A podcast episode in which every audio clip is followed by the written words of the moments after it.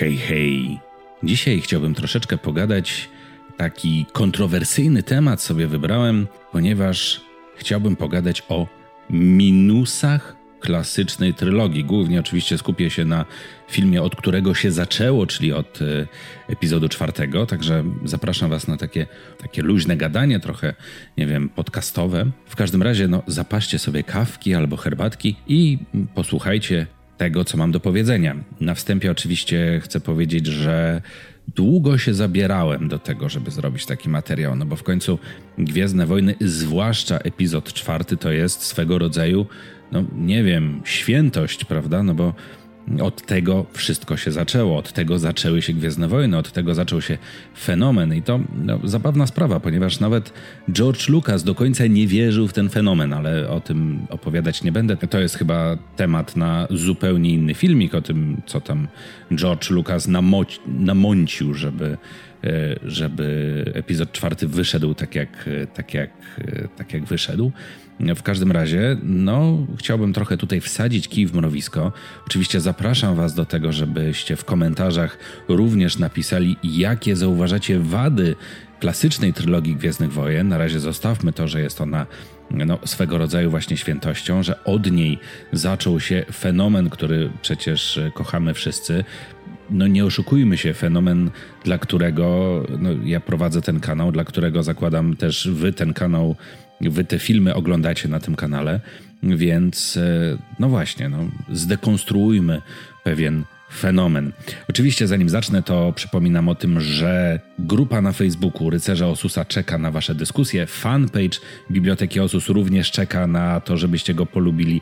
Mamy serwer Discord. Notabene pomysł na ten film e, chodził mi po głowie już od bardzo dawna, natomiast to e, wspierający kanał na Discordzie, bo jest specjalna, specjalna grupa na Discordzie, gdzie są wspierający, więc warto być wspierającym i warto być na Discordzie, no bo wtedy sobie można dużo pogadać o pomysłach na przyszłe filmy. Temat tego filmiku to jest coś, co właśnie wspierający na Discordzie rzucili i jakby zachęcili mnie do tego, żeby no w pewien sposób właśnie skalać świętość Gwiezdny Wojen. Ale już nie będę gadał y, za długo, no bo to zaraz się zaczną w komentarzach teksty, że tam, nie wiem, dwie minuty czy dwie i pół minuty skończył olić.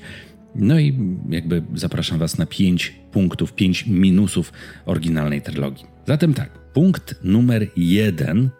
Prosta fabuła. To dotyczy głównie epizodu czwartego. No, fabuła jest prosta jak konstrukcja cepa, tak? Historia w epizodzie czwartym jest skonstruowana według y, no, mega schematu. To znaczy, młody chłopak, który chce prawda, coś osiągnąć w życiu, ale mu się to nie bardzo udaje, spotyka swojego mistrza, pojawia się jakiś, że tak powiem, McGuffin, McGuffin, czyli rzecz, za którą bohaterowie w filmie biegną, którą chcą zdobyć, tak? Czyli tutaj to są te plany Gwiazdy Śmierci, które trzeba, prawda, dostarczyć, dowieść y, bezpiecznej i tak dalej. No i dzięki temu, prawda, McGuffinowi właśnie okazuje się, że no, przeżywają przygody i ten młody chłopak jest w stanie zrealizować swoje marzenie, czyli właśnie, no nie wiem jak to nazwać, wyjść do ludzi, w sensie stać się kimś większym. Jak pomyślicie, to przecież Hobbit, na przykład Hobbit, czy na przykład Władca Pierścieni jest skonstruowany dokładnie według tego, schemy, tego samego schematu. Tak, czyli mamy pierścień, który jest tutaj McGuffinem i trzeba go gdzieś tam dostarczyć. W przypadku Władcy Pierścieni trzeba go gdzieś tam wrzucić do góry przeznaczenia, tak, do lawy i tyle. Młody chłopak Frodo Baggins spotyka mistrza, którym jest Gandalf, no i i tak dalej, i tak dalej. Epizod czwarty jest pierwszym filmem, no więc jeszcze to tło całe, ta cała historia, ta cała otoczka Gwiezdnych Wojen w ogóle wtedy nie została zbudowana. W związku z tym, no, tego tutaj nie ma, ale no, jakby zarys polityki, nie wiem, w Imperium jest jakiś tam minimalny. Słyszymy tylko podczas tam narady na Gwieździe Śmierci, że y, imperator, notabene w starych tłumaczeniach, tłumaczony, na polski tłumaczony jako cesarz, rozwiązał senat. No i to jest w zasadzie cała polityka, jaką widzimy w epizodzie czwartym Gwiezdnych Wojen, całe to tło. Tak wielu z Was wielokrotnie mówiło, że w Gwiezdnych Wojnach może teraz będzie epizod, który pokaże więcej polityki w Gwiezdnych Wojnach. No a właśnie nie bardzo pokazują, a epizod czwarty, podkreślam, od którego się to wszystko zaczęło, nie pokazuje tego w ogóle, tak? Skąd się ta Gwiazda Śmierci skonstruowana wzięła? Dlaczego Darth Vader jest taki, a nie inny, dlaczego nosi taki, taką zbroję, dlaczego, nie wiem, ma problem z oddychaniem, tak? Dlaczego szturmowcy to są szturmowcy, dlaczego noszą białe pancerze? No to, oczywiście można tłumaczyć pewnym out universe, oczywiście tłumaczyć pewnym zabiegiem e, tutaj wizualnym, tak, że ci źli są ubrani na biało. Nie? To jest takie trochę niespotykane w e, kinie czy w filmie, no ale właśnie e, tak to, tak to wygląda. W każdym razie, no, prosta fabuła, nic więcej tutaj nie ma. Druga rzecz, drugi minus oryginalnej trylogii to jest niespójność z resztą uniwersum. No, jakby wtedy nie było jeszcze uniwersum, ale kiedy spojrzymy na Nową Nadzieję teraz, w sensie w 2020 rok, kiedy wyszła masa filmów, seriale, tak, masa książek i to już abstrahując od tego, czy tam legendarnych, czy z aktualnego kanonu, wszystko jedno. W każdym razie epizod czwarty jest bardzo niespójny z resztą Gwiezdnych Wojen i tak naprawdę ja sobie z tego nie zdawałem sprawy, dopóki nie zacząłem myśleć, czy przygotowywać się jakoś do tego nagrania e, tych minusów oryginalnej trylogii, bo no zobaczcie, e, jest cała masa pytań po obejrzeniu epizodu czwartego. Skoro Luke ukrywał się przed ojcem, no to dlaczego na Tatooine, tak? I to jeszcze w domu Larsów z niezmienionym nazwiskiem, tak? Skywalker. E, no skoro Anakin znał zarówno to miejsce, tak? Czyli farmę Larsów, jak i no dobrze znał nazwisko Skywalker, no przecież to jest przedziwna sprawa. No i to samo niejako dotyczy Obi-Wana Kenobiego, tak? Obi-Wan Kenobi Ben Kenobi, to nawet y, Luke Skywalker wpadł na to, że, hmm, że Ben Kenobi to może jakiś krewny Obi-Wana Kenobiego. No przecież piekielnie łatwo byłoby go wytropić, tego Kenobiego właśnie ukrywającego się na Tatooine i to jeszcze blisko Luka Skywalkera, tak? Przecież inkwizytorzy Imperium szaleli, latali po całej galaktyce, tropili rycerzy Jedi pozostałych po rozkazie 66, więc no dlaczego nie znaleźli Kenobiego? Wiem, może nam to serial wyjaśni, który nadchodzi, serial o Kenobim, Natomiast no, jakby w tej chwili mamy całkowitą niespójność, tak? No i oczywiście jest cała masa, nie wiem, drobiazgów, tak? Dlaczego Kenobi mówił do Anakina na Gwieździe Śmierci Darth? Ja to rozwijałem gdzieś tam w jakimś materiale na temat imion Sithów, natomiast no to wszystko wygląda na to, że to jest y, imię i nazwisko postaci, tak? Czyli imię Darth, nazwisko Vader, a nie Anakin Skywalker. Przecież Obi-Wan Kenobi, spotykając Vadera na Gwieździe Śmierci, powiedziałby do niego: Anakinie, spotykamy się ponownie, nie? Dlaczego, nie wiem, z odciętej ręki w kantynie leci krew, tak? Dlaczego Obi-Wan Kenobi nie poznaje Y, Artuditu. Też to oczywiście było tłumaczone w ten sposób, że przecież astromechów, droidów, takich samych, nawet z jakimiś tam niebieskimi elementami obudowy, była w galaktyce cała masa. No ale jednak y, no, Artuditu jest dosyć istotny, tak? Przypominam, że był, nie wiem, przy narodzinach Luka i Lei, y, kiedy Padme umierała, tak? No to dlaczego Obi-Wan nie poznał tego droida, nie? Przedziwna sprawa, tak? I jakby cały czas, co chwilę napotykamy się na takie właśnie no, problemy z tak zwanym continuity, tak? Oczywiście to było tam jakieś były próby wyjaśnienia, jakieś tak zwane retkonowanie tego, natomiast no rzeczywiście y, problemy, że tak powiem, ze spójnością uniwersum tego pierwszego zwłaszcza filmu były bardzo duże. Słaba rzecz numer 3 totalnie niezrozumiały fenomen Boby Fetta i Mandalorian. To jest coś, co ja już powtarzałem wiele razy. Zupełnie nie rozumiem tego, co stało się, co tak dziwnego stało się z y, no, Mandalorianami i z Bobą Fettą. No, y, Bobą Fettą, Boże, powiedziałem. Z Bobem, Bobem Fettą? Fetem? Bobem Fetem. Matko Boska, odmiana polska taka trudna. W każdym razie, no zobaczcie, mamy, nawet już biorąc pod uwagę te edycje specjalne Gwiezdnych Wojen, tak, mamy Boba Fett pojawia się w epizodzie czwartym. Stoi gdzieś tam z boczku przy Jabie, tak? Pojawia się w epizodzie piątym, no ale też nawet to nie on łapie bezpośrednio, to nie on łapie Hanna Solo, no y, on tylko, że tak powiem, no może tam troszkę pomaga, ale to też minimalnie. To głównie Imperium łapie Hanna Solo i zamraża go w karbonicie. Boba Fett ma za zadanie tylko dostarczyć zamrożonego Hanna Solo do Jabby. No i wreszcie w epizodzie szóstym no Boba Fett y, hmm, strzela mało celnie i ginie wpadając do jamy Sarlaka z głupim wrzaskiem, tak, dlatego że ślepy, niewidomy Han Solo walnął w jego plecach rakietowy kijem. No ja wiem, że to znowu próbowali to retkonować w ten sposób, że przecież Django Fett zginął w taki sam sposób. Natomiast no słuchajcie, no po epizodzie szóstym wyrosła wielka, gigantyczna kultura Mandalorian, tak? Oczywiście jakieś tam dzieła książkowe czy komiksowe w tym pomogły, ale z tego głupiego wystąpienia Boby Fetta w klasycznej trylogii, no wyrósł nam fani, którzy w ogóle są fanami Mandalorian, jakby skupiają się w ogóle tylko na tej jednej frakcji. Wyrosła cała masa opowieści, cała masa historii.